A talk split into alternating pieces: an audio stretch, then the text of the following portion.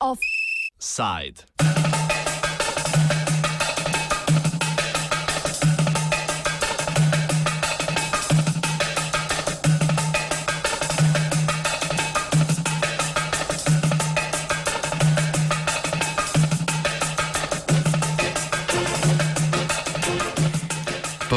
Letu dni predaha se znova vračamo k stari gospodarsko-okoljevarstveni aferi, ki je že skoraj neokusno prežemala slovensko javnost tekom leta 2017 in odprla intenzivne razprave o vlogi okoljevarstvenih organizacij v Sloveniji.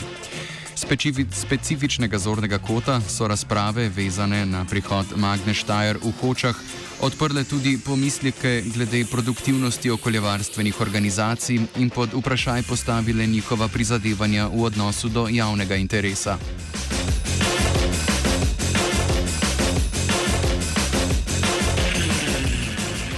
Praksa je polegal in v preteklem obdobju medijskega zatišja so v hočah že zrasli operativni obrati lakirnice Magne Štajer.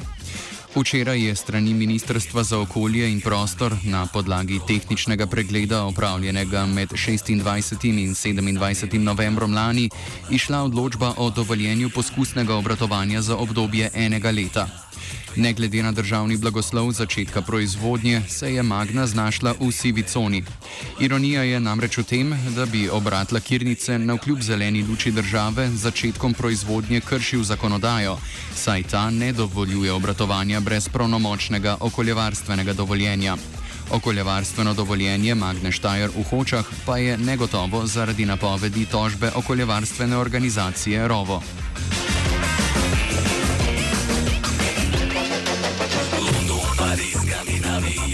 Najvidnejši oziroma edini izpostavljeni okoljevarstvenik, ki trenutno na čelu organizacije ROVO predstavlja odločilno oviro pri pridobitvi pravnomočnega okoljevarstvenega dovoljenja, je Gorast Marinček. Marinček tvori osrednji člen okoljevarstvene opozicije pri zagonu projekta Magna Štajer na lokaciji v Hočah. V tej fazi je za razliko od prvotno desetih aktivnih okoljevarstvenih organizacij, kot kaže, ostal v manjšini. Poleg nekaterih ostalih zahtev, ki si jih bomo ogledali v nadaljevanju, si Marinček z organizacijo Rovo zauzema za spremembo tako imenovanega Lex Magna, v katerem opozarja na nujnost definiranja gradnje na okoljevarstvenem območju kot izjeme vezane izključno na obrat lakirnice Magne Štajer. Na prvi pogled tako interesi okoljevarstvene organizacije ne izkazujejo ekoloških prizadevanj, saj vendarle pristajajo na odobritev delovanja lakirnice na vodovarstvenem območju. Interesi so, kot povdari Marinček, vezani izključno na to, da se v zakonu Lex Magna jasno povdari, da gre za enkratni primer, vezan izključno na to podjetje in prostor.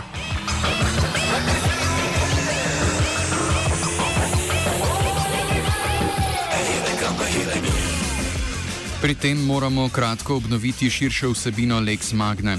Zakon med drugim širi definicijo dokazila o pravici gradnje za tiste zasebne investicije, ki se kažejo kot investicije javnega pomena in med ostalimi kriteriji dosegajo vrednost stotih milijonov evrov in odpirajo tisoč prostih delovnih mest.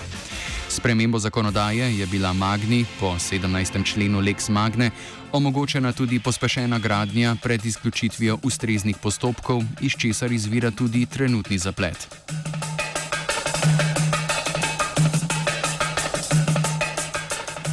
Včerajšnji oddaji Odmevi na prvem programu Radio Televizije Slovenija smo lahko bili priča nekoliko agresivnemu pristopu voditeljice Rosvite Pesek do gosta Gorazda Marinčka. Ob boku z ostalimi novinarskimi prispevki, ki okoljevarstvenika subtilno izpostavljajo kot nasprotnika javnega interesa, smo se odločili, da v tokratni oddaji prisluhnemo nazorom in motivom gospoda Marinčka in novomeške okoljevarstvene organizacije Rovo.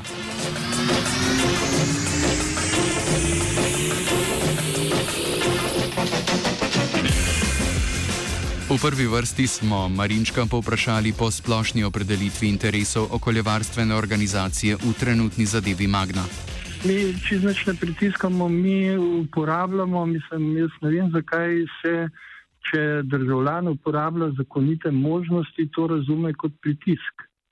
Jaz mislim, da je pritisk to, da ti da država zahteva od tebe, da se svojim zakonitim pravicam odpoveš. Po mojem je to pritisk. Ne pritisk, da mi želimo, da, se, da država stvari pele po predpisih in da ne počepne pred vsako multinacionalko, ko ima pet minut časa. Spomnimo se te šest, 400 milijonov oziroma verjetno okrog 600 milijonov preplačenega denarja, 400 dokazano preveč, ker jih tudi holding toži za preplačilo, ne, ne samo kriminalisti.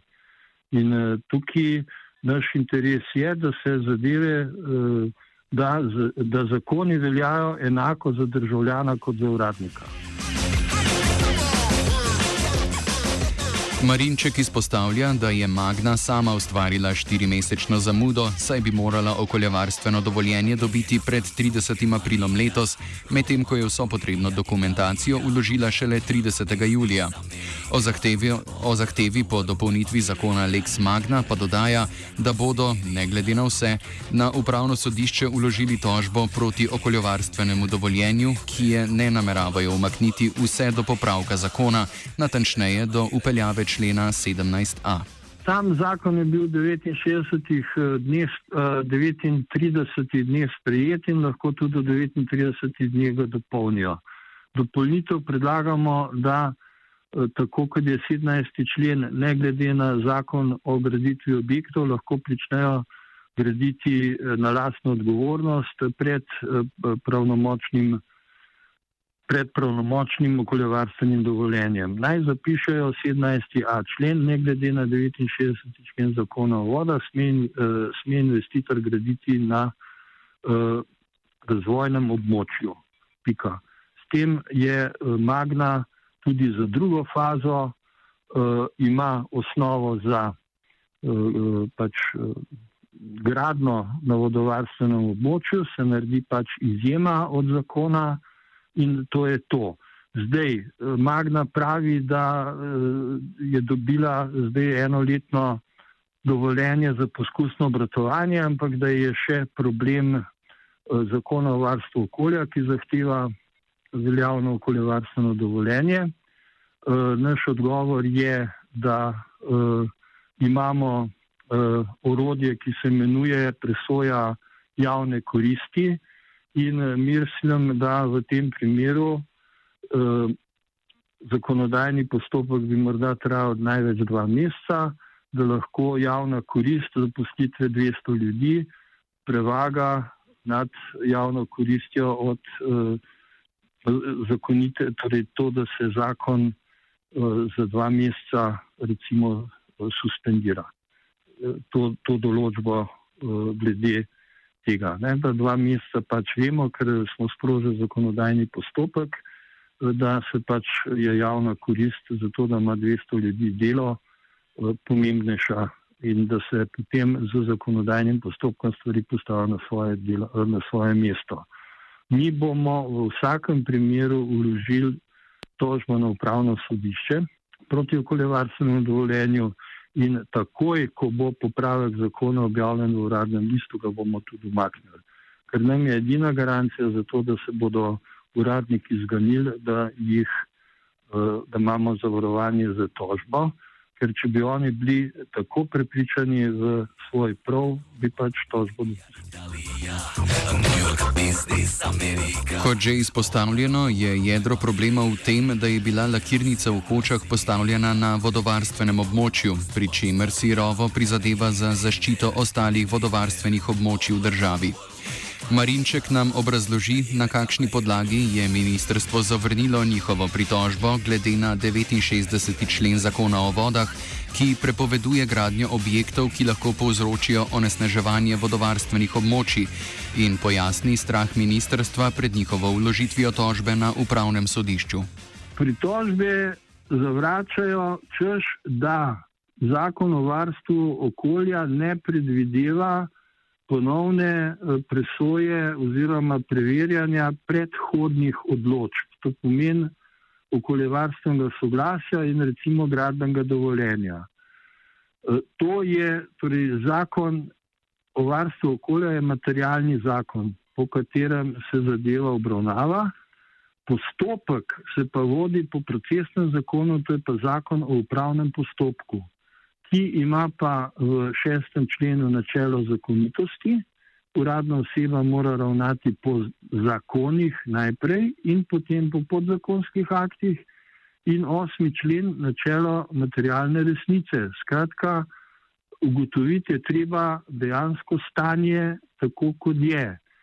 In mi smo opozorili na to nezakonitost, glede na zakon o vodah, oni so nam odgovorili, da ta postopek ni predviden v zakonu o varstvu okolja, ampak predviden je pa v procesnem zakonu, torej v zakonu o upravnem postopku, da če uradna oseba dobi opozorilo na nezakonitost v prejšnjih uh, korakih, mora ugotoviti materialno resnico in potem po načelu zakonitosti pač to zgodbo, če se izkaže za resnično, odpraviti.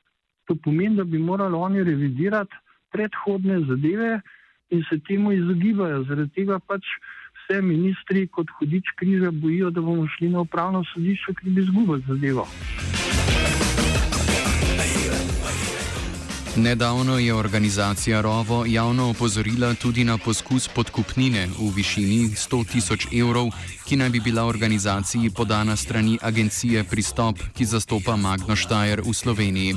Čeprav je Pristop očitke ostro zavrnil, Marinček ne odstopa od podane izjave.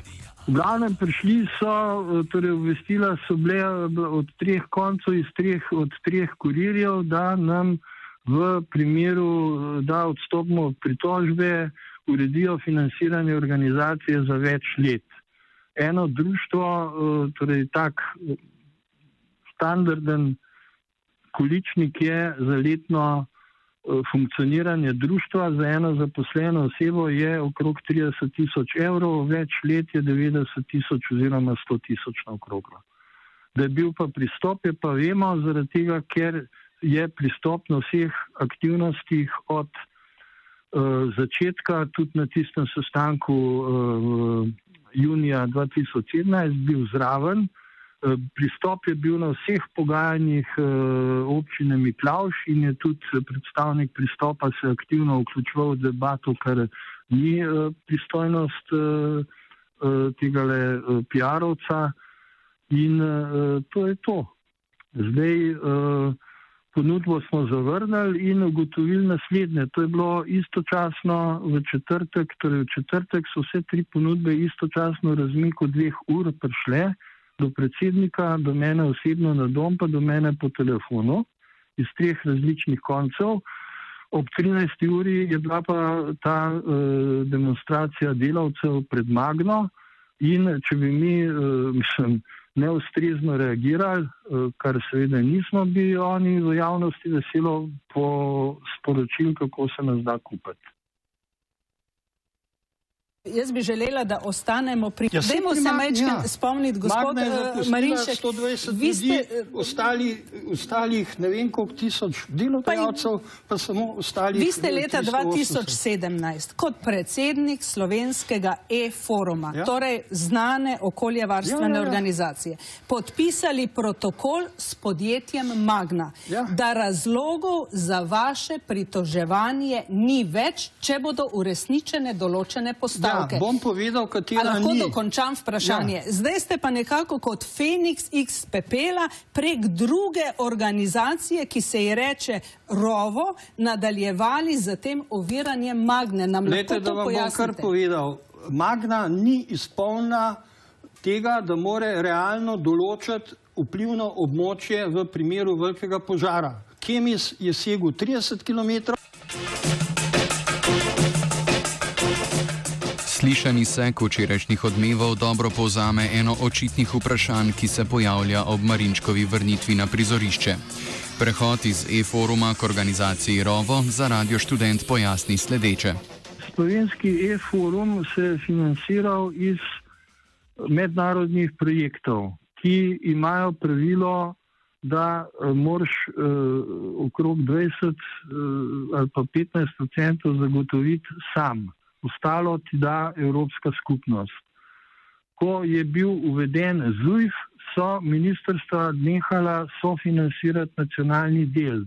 Zaradi tega smo pač mi, ki smo bili sred projektov, ene tri projekte pač morali zaključiti in uh, del izgube sem s kreditom z vlastnim premoženjem uh, garantiral in ga tudi zdaj odplačujem tisti denar za to, da smo imeli plače za zaposlene in da smo aktivnosti speljali. In zdaj recimo je v lanskem letu nenadoma ZUJF pač bil ukinjen in se zdaj razpisi za dofinanciranje evropskih projektov redno uveljavljajo. Skratka, mi, smo, mi društvo pač zapiramo, nima več aktivnosti, po zakonu si lahko član ne vem, stotih društev in ne vidim razloga, zakaj se ne bi jaz kot aktiven pač državljan vključil v drugo društvo, ker slovenski forum je izgubil status popolnoma pravilno po zakonu, ker ni imel aktivnosti in ni imel o čemu poročati. Za konec pa še Marinčkova interpretacija morebitnega umika Magne Štajer iz Hoč, v kateri izpostavlja možnost, da bi ta razlog za umik iz Slovenije prevalila na okoljevarstvenike, medtem ko bi se pravi povod skrival v domnevnem zmanjšanju naročil. Kot opozarja, je Magna v primeru umika dolžna vrniti le 5 od skupaj prejetih 18 milijonov državnih subvencij. Zdaj jaz bi še upozoril na naslednje. Če, uh, takrat uh, sem že povedal, da, nam, uh, da, nimajo, da jim uh, gra, v Gracu niso dovolili dograditi ali pa razširiti lakirance. In zdaj, če lahko Magna nenadoma seli proizvodno nazaj, pomeni, da ima proste kapacitete, pomeni, da, dovolj, da, da so izgubili veliko naročil kar je povezano z Brexitom, ker je Jaguar odprl fabriko za 100 tisoč uh, avtomobilov na Slovaškem in z zmanjšanjem obsega proizvodne v vseh evropskih tovarnah, kar je iz medijev razvidno, tako da to ne bi bilo nič uh, čudnega. In informacija, ki smo jo dobili, je ta, da je Magna v Gracu ukinila tretjo izmeno kar verjetno ni zaradi povečanega obsega, ampak zaradi zmanjšanega obsega. In, eh, če, in verjetno jim ekonomija ne dopušča več transporta za lakiranje v hoče in nazaj. Pogodba je pa tudi podpisana tako, da oni so pokasirali 18,6 milijona že državnega denarja za tisoč zaposlenih, zaposlili so jih 200. Pogodbena kazen, če ne realizirajo, pa ni vrčilo 18 milijonov 600, ampak samo 5 tako da bo Magna tudi, če ne zažene, imela profita poleg zemljišča, stavb, še 13 eh, milijonov 6, 13,6 eh, milijona evrov. Kot Feniks iz pepela je za radio študent znova Magnal Smolič.